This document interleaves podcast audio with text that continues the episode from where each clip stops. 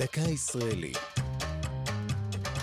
השבוע, זכויות הלהט"ב לרגל חודש הגאווה, והפעם, האגודה לשמירת זכויות הפרט.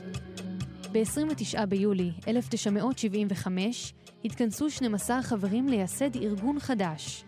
הרעיון להקים ארגון שכזה נוצר בבית הכנסת ההומוסקסואלי בניו יורק, כתבו בפרוטוקול הפגישה. החלטות האספה הראשונה, ליצור אגודה אשר תהיה מוכרת בארץ ישראל ותייצג את החברה ההומוסקסואלית באופן רשמי.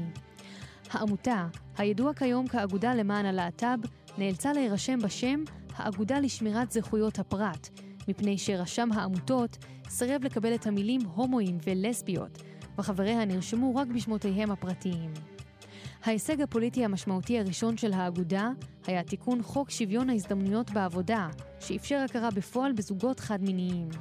הישגים נוספים שלה היו הקמת תת-ועדה לקידום נושאים להט"ביים בכנסת, ותיקון פקודות הצבא על מנת להשוות את תנאי החיילים הלהט"ביים, נושאים שהיו חדשים לא רק בחקיקה, אלא גם בשיח הציבורי.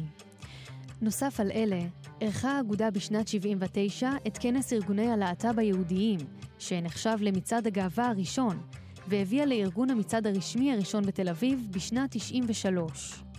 האגודה ממשיכה לפעול, הן בחזית המאבק הציבורי והן במתן שירותים שונים לקהילה. זו הייתה דקה ישראלית על זכויות הלהט"ב והאגודה לשמירת זכויות הפרט.